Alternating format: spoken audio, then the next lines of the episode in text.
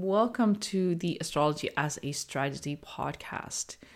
Today, I am going to talk about how you can spot if you are going through a rough Saturn phase and what three signs you need to look for.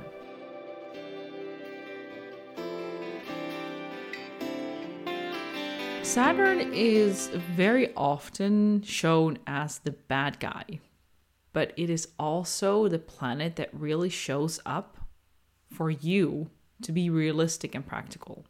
Now, I want to start with an example of what recently happened in my life, how it ties into these Saturn cycles, and how I really understood what was going on. I was laying on the bed and I was nursing my 21 month old and all of a sudden, my hand moved to my belly, and I started to feel extremely sad. I really felt this wave of emotions just coming over me. And I just had to think about the miscarriage that I had seven years ago and how that left such a deep scar in my heart, in my womb. I felt I felt it in every fiber of my body that was a very, very dark time for me. And it was hard to heal that part. Even to this day, there are still scars that are painful. I know over time the pain will get less and less, but it was everything around it that made it such a painful experience.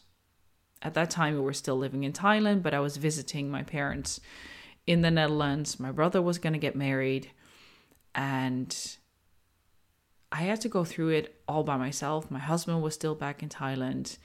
He just had this amazing spiritual awakening, which was really beautiful for him, but it made it harder for him to connect to the earth and the reality that I was in. So that was a very lonely time.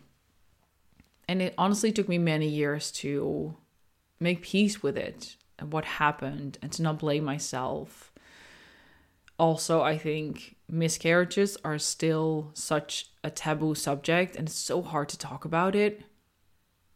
That's why I'm very open, openly sharing this. So I'm hoping that if you're going through something hard as well, to share this with the people around you. But the reason this came up for me specifically seven years later was because I'm going through another Saturn cycle. And actually, honestly, I had to look it up just to make sure that that Saturn cycle was approaching. And it was. This is what we often hear is the seven year itch. It has everything to do with astrology and it has nothing to do with astrology. This is something that in society we're very used to saying. When a relationship, romantic relationship, things are starting to break down, we often just say, hey, wait, that's the seven year itch. And then you get to decide is this relationship worth fighting for? Or is this a moment to realize, hey, I need to let go of this? And it's such a beautiful way to look at this Saturn energy. So, Saturn takes about 29 years to go around the zodiac.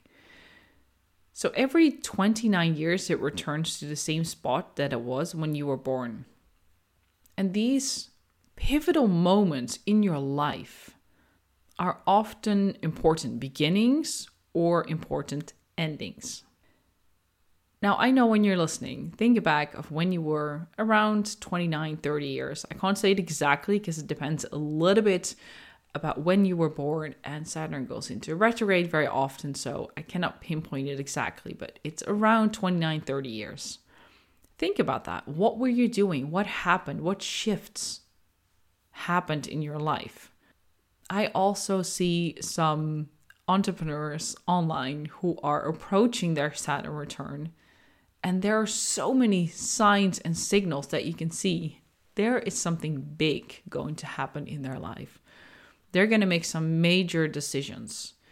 And I know when you're listening now, you probably can think of a few major decisions that you made around the age of 29, 30. But that's not where it stops. And now we'll explain a little bit more about that seven year itch. So if we divide it in four phases, that's when we get the seven years. every phase is a new type of energy. You can think about the four phases in the moon cycle. So when Saturn returns, it is a new moon energy. Then around the age of 36, 37, we have the opening square, which is very similar to a first quarter moon. Then around the age of 43, 44, which also happens to be a very strong Uranian influence, but I won't go into that because that would be too technical. But then we have Saturn in an opposition. Then around the age of 50 and 51, we have the closing square, which is very similar to a last quarter moon. And then around the age of 57, 58, you have your second Saturn return. Now, in mythology, Saturn is called the Lord of Time. It makes you very aware of the time passing. It makes you aware of what is behind you. And that helps you to prioritize. Saturn is very patient, is a lot about effort. It's also very realistic and practical, which can come as a bit of a shock when you are living in a fantasy world. When I was 29, I wasn't necessarily living in a fantasy world, but I was living in Thailand. I didn't have a job. I was I didn't start my business at that time.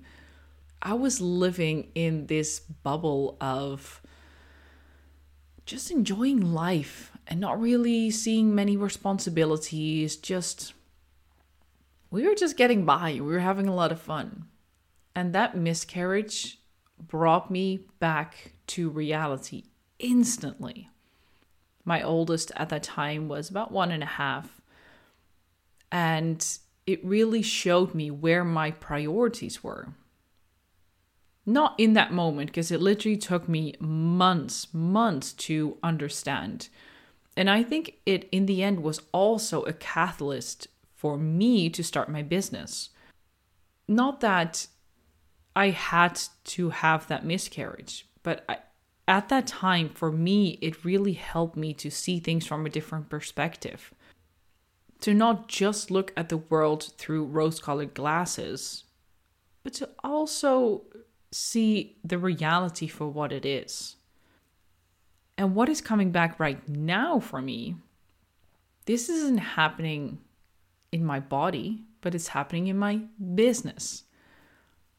I need to take a lot of decisions in the next few months because of the growth that I'm experiencing, the expansion.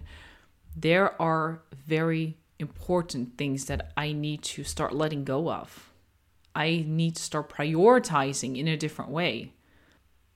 And that's why my body was responding to this my body was making the connection before my mind even made the connection.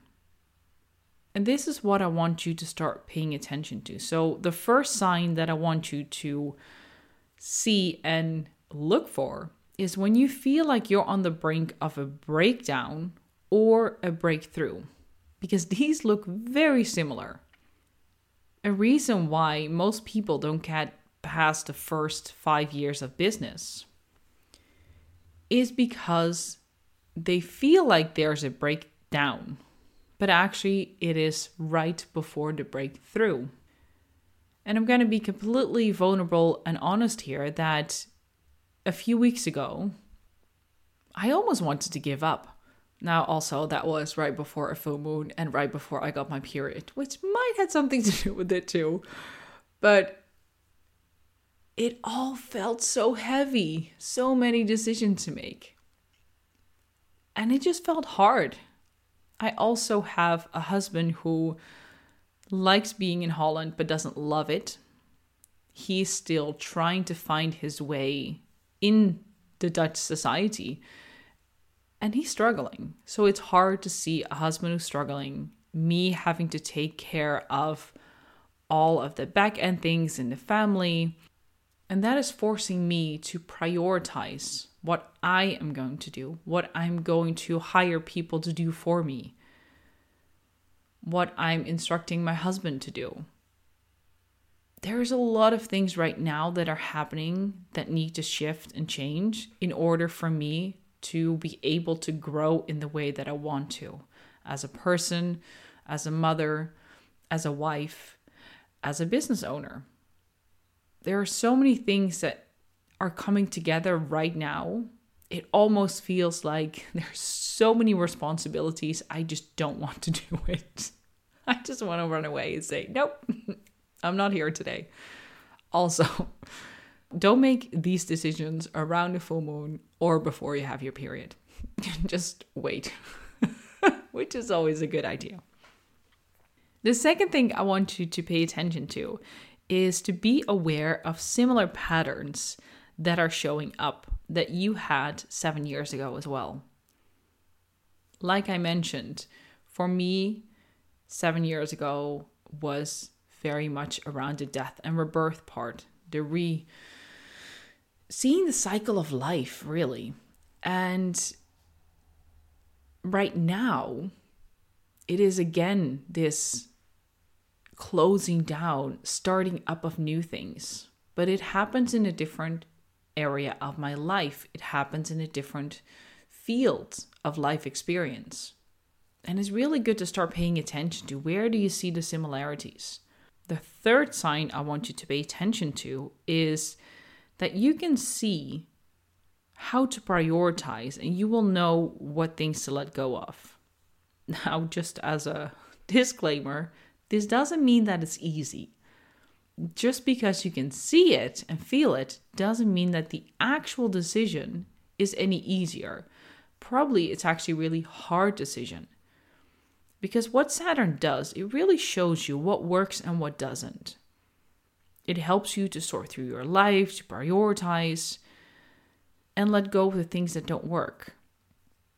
But it does it in a very realistic and practical way. So you cannot run away from the reality because it's really just pushed into your face. And that's not easy.